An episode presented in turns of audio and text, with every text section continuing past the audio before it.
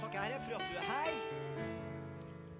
Det er sant som Ulla-Britt sa at det er to eller tre samla i ditt navn. Der er du midt iblant oss. Takk at vi kan igjen samles igjen, se ordentlige mennesker rett foran oss. Se et smil, se et nikk. Det er flott, Herre. At vi igjen kan få komme sammen som en familie, som uh, et fellesskap. Og løfte opp ditt navn og lytte til ditt ord. Eh, takk at vi som Maria nå kan sette oss ned ved dine føtter, lytte til ditt ord og oppleve at du taler til oss, taler til våre hjerter og forandrer på noen ting inni hjertene våre. Alle sammen. Jeg ber om det, Herre, i Jesu Kristi navn. Amen. Amen. Gi lovsangerne en applaus, vet du. Det er bra. Han gjør en kjempejobb.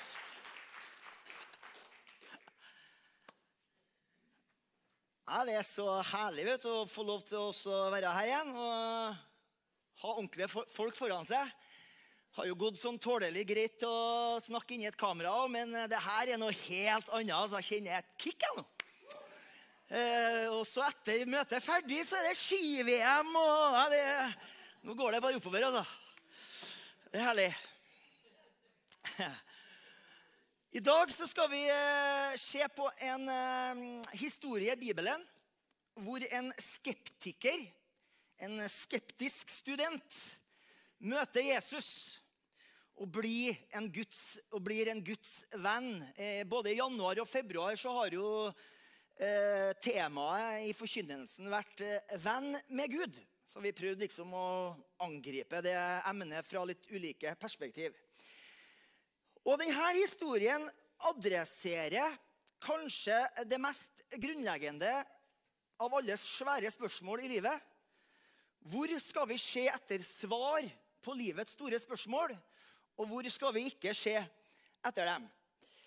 Eh, vi skal lese fra Johannes evangelium kapittel 1 og fra vers 43. Men før jeg leser der, så skal jeg lese eh, i samme kapittel to andre vers. I vers eh, 29, for det er et uttrykk her som jeg er litt ute etter. Vers 29 står det Dagen etter ser Johannes Jesus komme imot seg, og han sier, 'Se der, Guds lam, som bærer verdens synd.' Og så i vers 35 så står det Dagen etter sto Johannes der igjen sammen med to av disiplene sine. Og Så kommer vi til vår tekst, som starter sånn da, i vers 43. Dagen etter. Så det her er jo liksom litt sånn eh, Du vet eh, Det finnes jo aviser som heter for Daily News. Dagens nyheter. Så det her er på en måte Johannes sin versjon av dagens nyheter. Daglige nyhetsoppdateringer fra Johannes. Tre ganger så er det liksom dagen etter, dagen etter og dagen etter. Og Da er vi i vers 43. Dagen etter ville Jesus dra til Galilea, og han fant Philip og sa til ham, 'Følg meg.' Philip var fra Betsaida, Andreases og Peters by. Philip fant Nathanael og sa til ham, vi har, vi har, funnet Det funker best på trøndersk for meg. Vi har funnet han som Moses skrev om i loven og som også profetene har skrevet om. Jesus fra Nasaret, Josefs sønn. Nathanael sa til ham, 'Kan det komme noe godt fra Nasaret?' Philip svarte, 'Kom og se.' Jesus så Nathanael komme mot seg, og han sier om ham, 'Se, en sann israelitt, som det ikke er noe svik i.' Nathanael spør han, 'Hvordan kjenner du meg?' Jesus svarte han, før Philip kalte på deg, da du var under fikentreet, så jeg det. Nathanael svarte han, 'Rabbi, du er Guds sønn. Du er Israels konge.' Jesus svarte og sa til ham, 'Tror du fordi jeg sa til deg, jeg så deg under fikentreet, du skal få se større ting enn det her?' Han sa til ham, 'Sannelig, sannelig, sier jeg det, sier jeg dere, fra nå av skal dere se himmelen åpna og Guds engler stige opp og stige ned over menneskesønnen. Eh, denne historien hvor da denne skeptikeren Nathanael møter Jesus, kommer rett etter det som eh, kalles for prologen i Johannes evangelium. Liksom innledninga, prologen.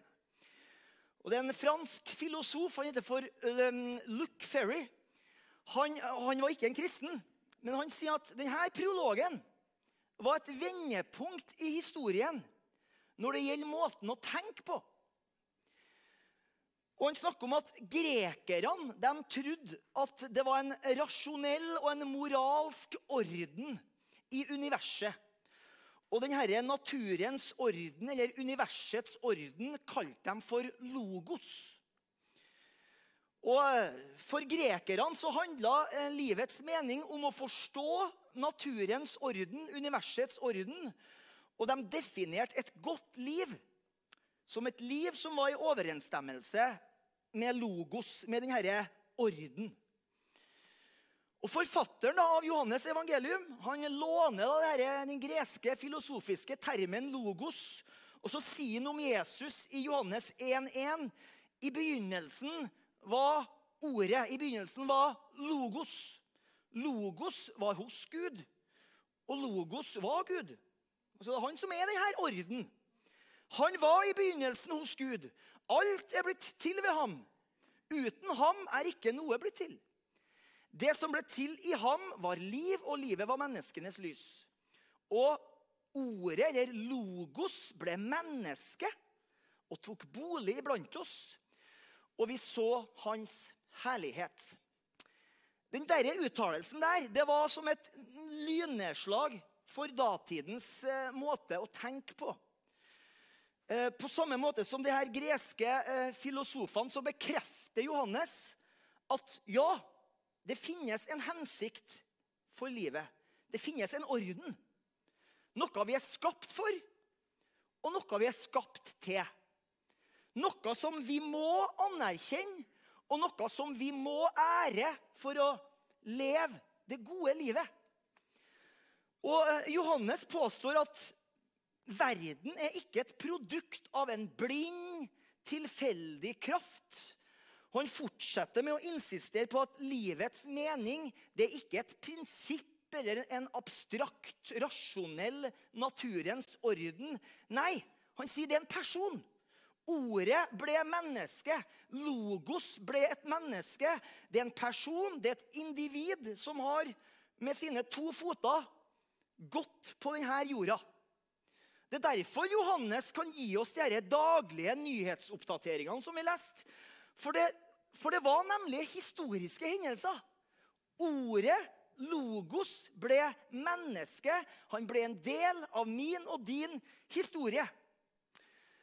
Eh, og Datidens filosofer betrakta det der som galskap.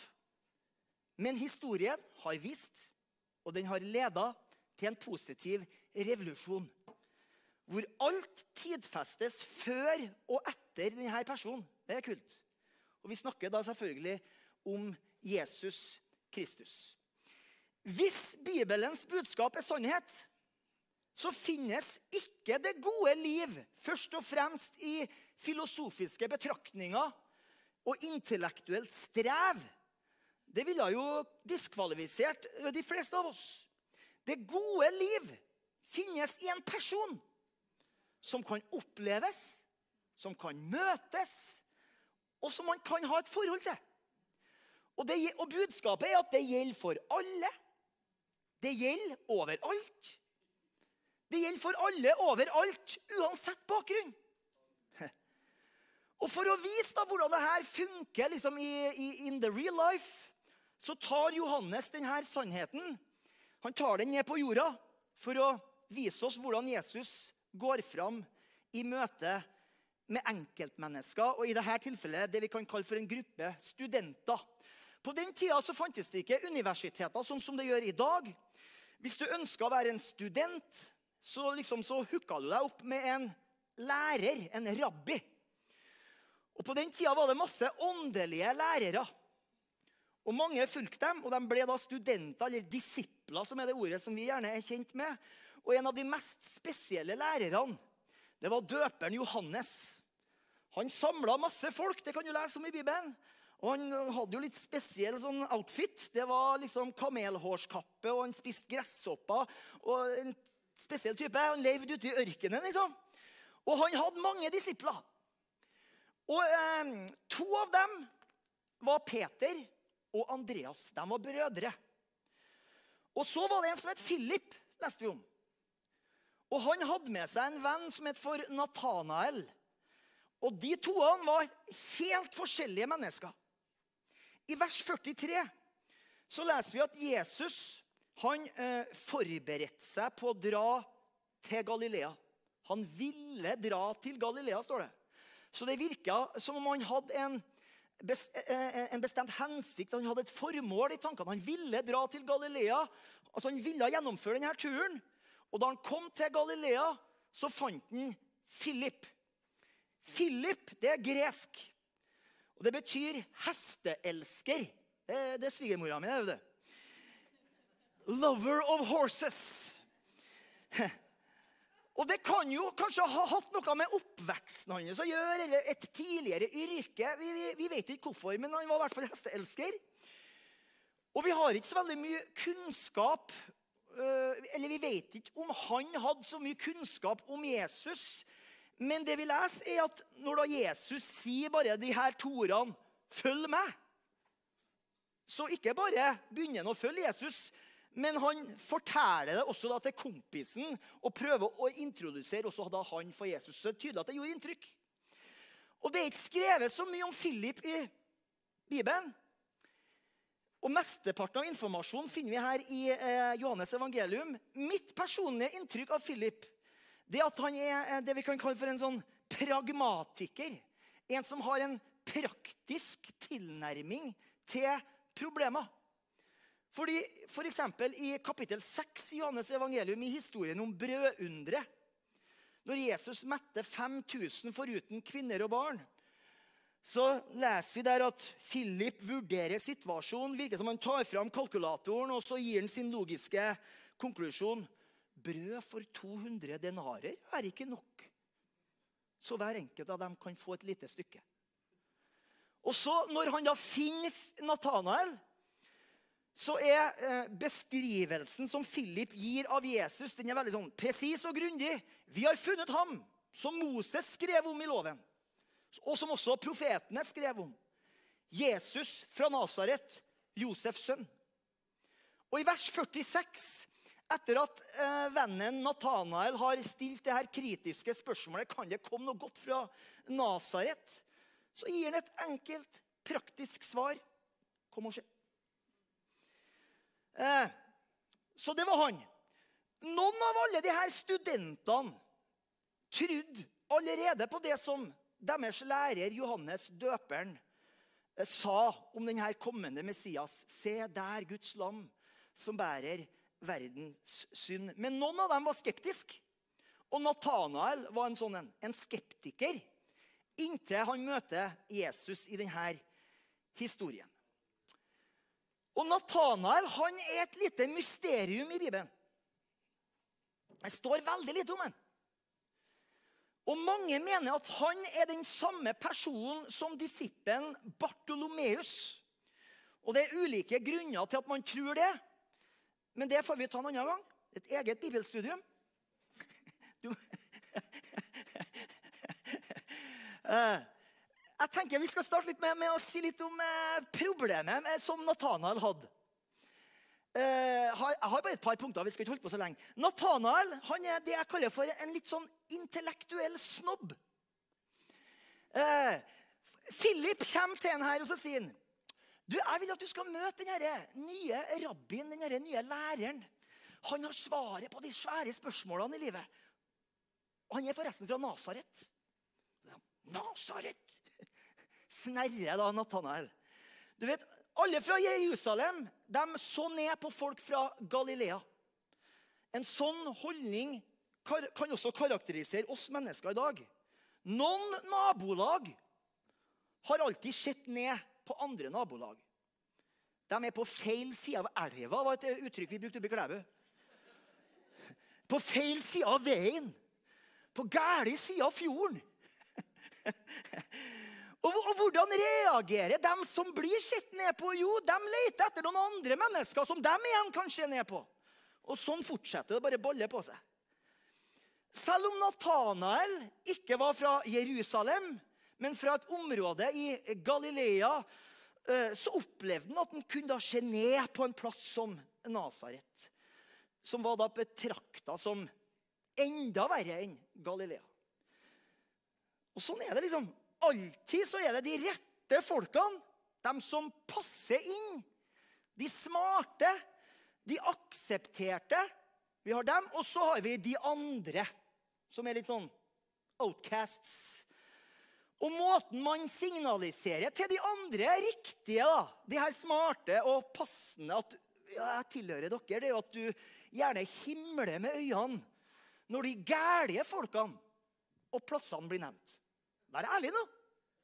Vi er sånn. Vi vil at andre skal tenke om oss som intelligente og passende. Og vi søker denne identiteten.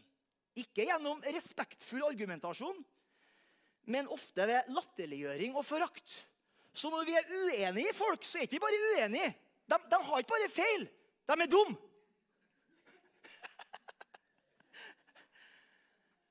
Natanael kan ikke tro at noen fra Nasaret kunne ha svaret på livets store spørsmål. Kanskje du sitter her og tenker sånn som Jesus eller kristendommen.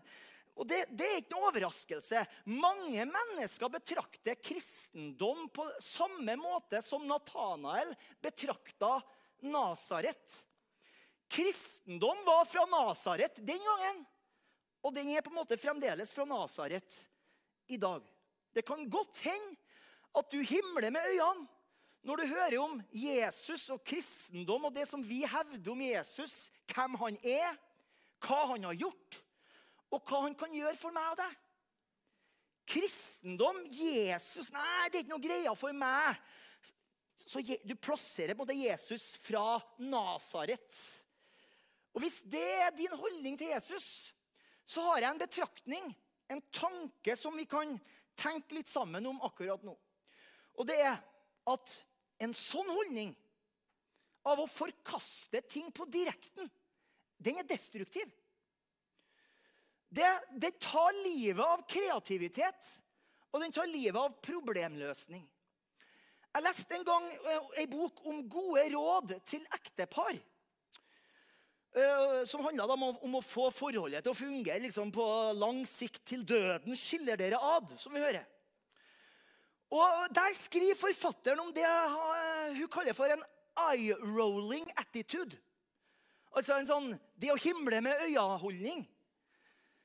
Eh, hvor da partneren opplever liksom en eh, direkte forkastelse av sin idé og sitt forslag. Hvor du da liksom bare himler med øynene. Har du, har du opplevd det? Og, og hun, sier, hun, sier, i boka at denne holdninga er et faresignal som forteller at forholdet har problemer. Fordi, fordi, at det signaliserer at man ikke har respekt for den andre personen. Og Hun fortsetter med å skrive at et ekteskap det kan takle skuffelser, det kan, skaffe, eh, det kan takle uenighet, det kan takle smerte og frustrasjon. Men det kan ikke takle fullstendig forkastelse fra den andre parten. Fordi forkastelse dreper relasjon. Jeg prøvde meg på et eksempel da Heidi i morges. Jeg sa jeg skal ta den her. Eh, for eh, alle her har sannsynligvis flere ganger mista nøklene sine. Eller som jeg kaller det, jeg lagt dem fra meg. kaller jeg det. Hva gjør du da? Eller her var mitt forslag til det. Hva, jeg, jeg, jeg leste opp rekna. Hva gjør vi da? Og så kom jeg med oppskrifta. Det er at du Først leter du etter dem på alle de plassene de kan være.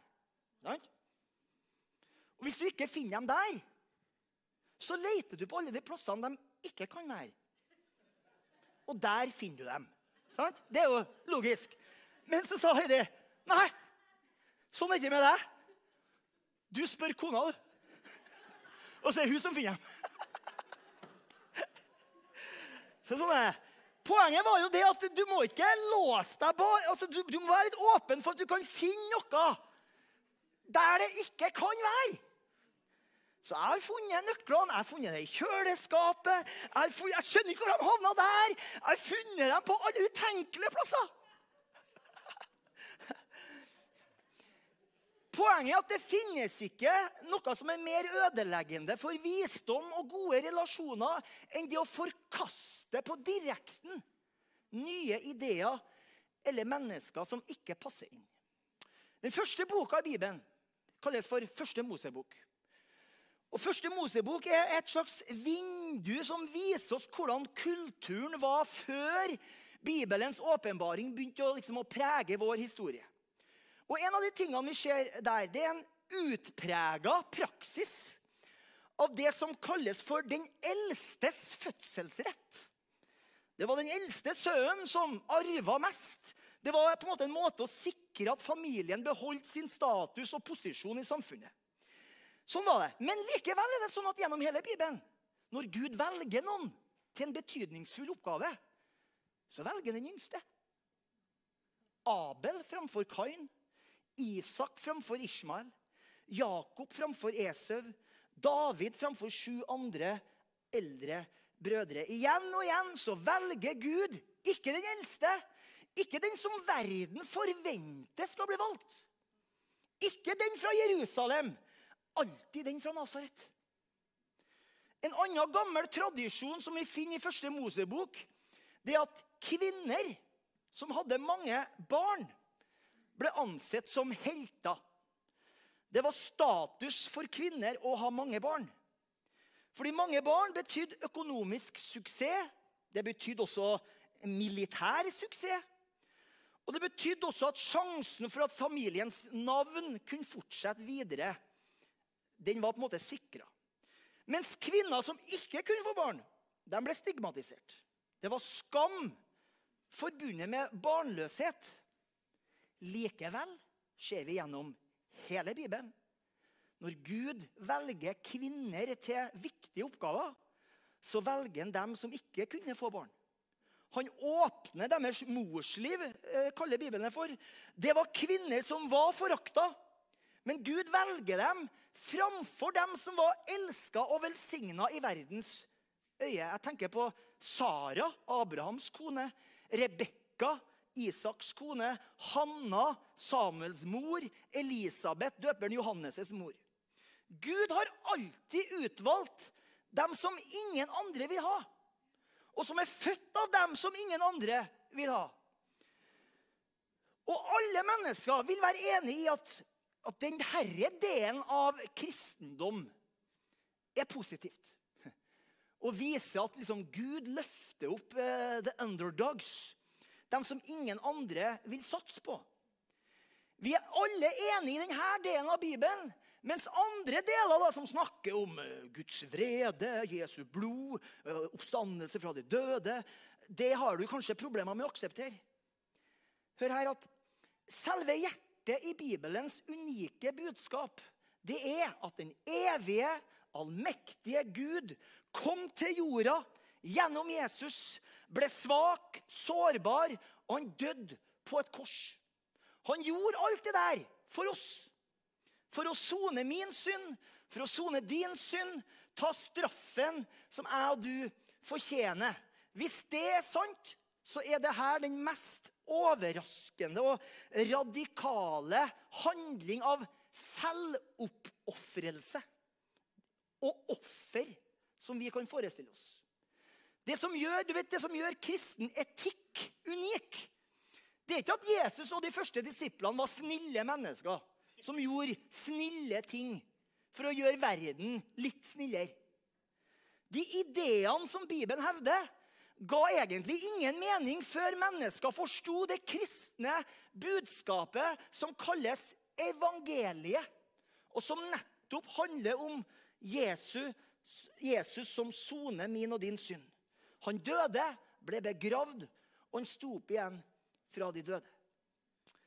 Alle andre religioner sier at hvis du ønsker å finne Gud, hvis du ønsker å forbedre deg, hvis, hvis du vil koble med guddommen, ja, så må du gjøre noe.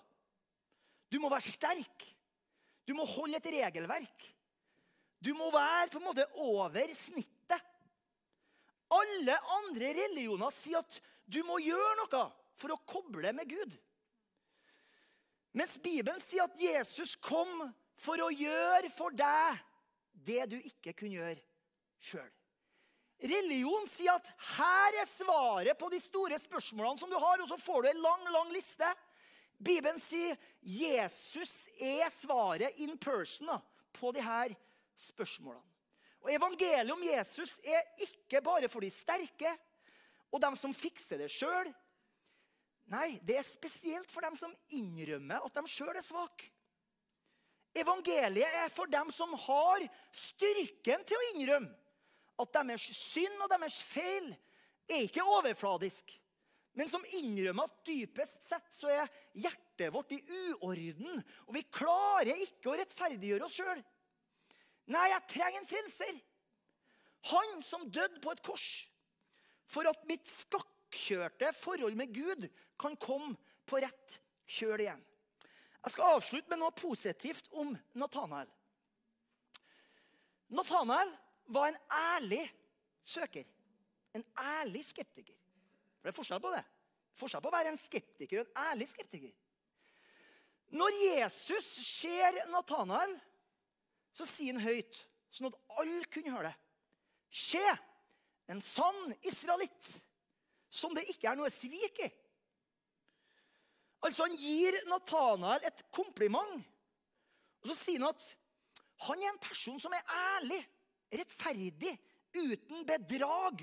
Eh, Denne mannen er ikke falsk. Han er ærlig. Han er ærlig om sine tvil. Og Jesu ord overrasker Natanael. Lovsangerne kan komme opp.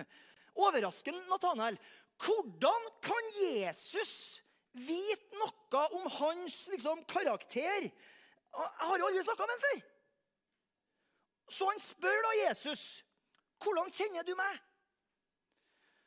Og det han egentlig sier, er, 'Hvem fortalte deg om meg?' Hvor fikk du denne personlige informasjonen ifra? Og han er sjokkert.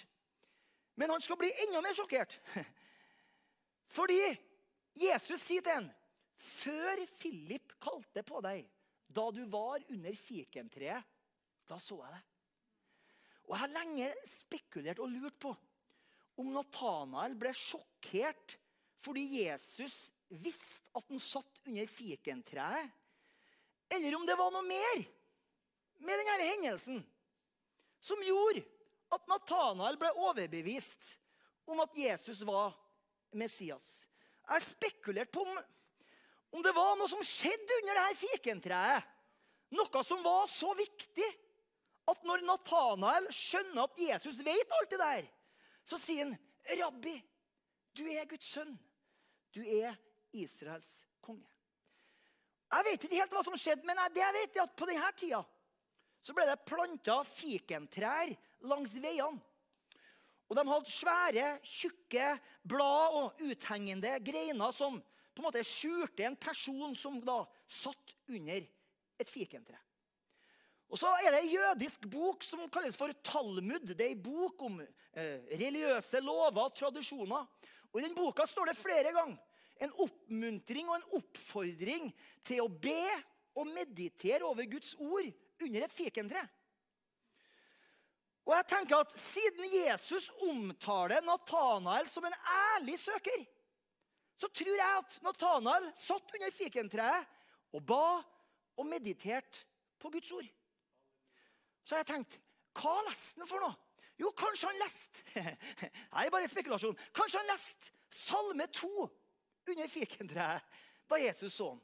Fordi begrep, det, det, han har ut av seg 'Du er Guds sønn. Du er Israels konge.' De begrepene finnes i Salme 2. Så det, det kan godt hende at Nathanael gjorde det som mange jøder gjorde. De ba, og de lengta etter den lovede Messias. Og Det kan godt hende at denne lengselen og de her studiene av Guds ord gjorde at jordsmonnet var forberedt. Sånn at han var mer enn klar for å erkjenne at Jesus er Messias. Når liksom øyeblikket traff en rett i hjertet. Det vi kan si med sikkerhet, det er at innholdet i Jesu ord titt og tidspunktet for når det, når det ble sagt, og måten det ble sagt på, hadde en mirakuløs effekt på Nathanael. Det var liksom Denne mannen kjenner mine tanker. Han har hørt mine bønner. Han, han, han, vet hva jeg lengter etter. Han kjenner til mine hemmelige ønsker. Det må være Messias, han som jeg lengter etter. Og Kanskje du også er en som, som betrakter deg sjøl som en skeptiker. Gjør da som Nathanael. Vær en ærlig skeptiker. Still dine spørsmål, for all del. Gjør dine studier, for, for all del. Ikke forkast det, sjøl om du ikke liksom sier bingo med en eneste gang. For jeg tror at på et gitt tidspunkt så vil Gud møte deg i din søken og i din lengsel, sånn at du også vil si, som Nathanael, for å bruke eh, bibelteksten, Rabbi, du er Guds sønn, du er Israels konge. Takker deg, Herre, for ditt ord. Takk at du møter alle mennesker. Du møter pragmatikeren, og du møter skeptikeren. Du møter den som føler seg utenfor, og du møter den som føler seg innafor. Herre, dine, dine armer er utstrakt til alle mennesker som akkurat nå sitter og undrer og tenker Hvem er han derre Jesus fra Nasaret, som jeg har lest om i Bibelen, men som jeg ikke har møtt? De søker, de lengter, de tenker og de undrer. Herre, jeg ber om at du skal møte dem i sin undring. Møte dem i sin lengsel akkurat her og nå. Jeg ber om det i Jesu Kristi navn. Amen.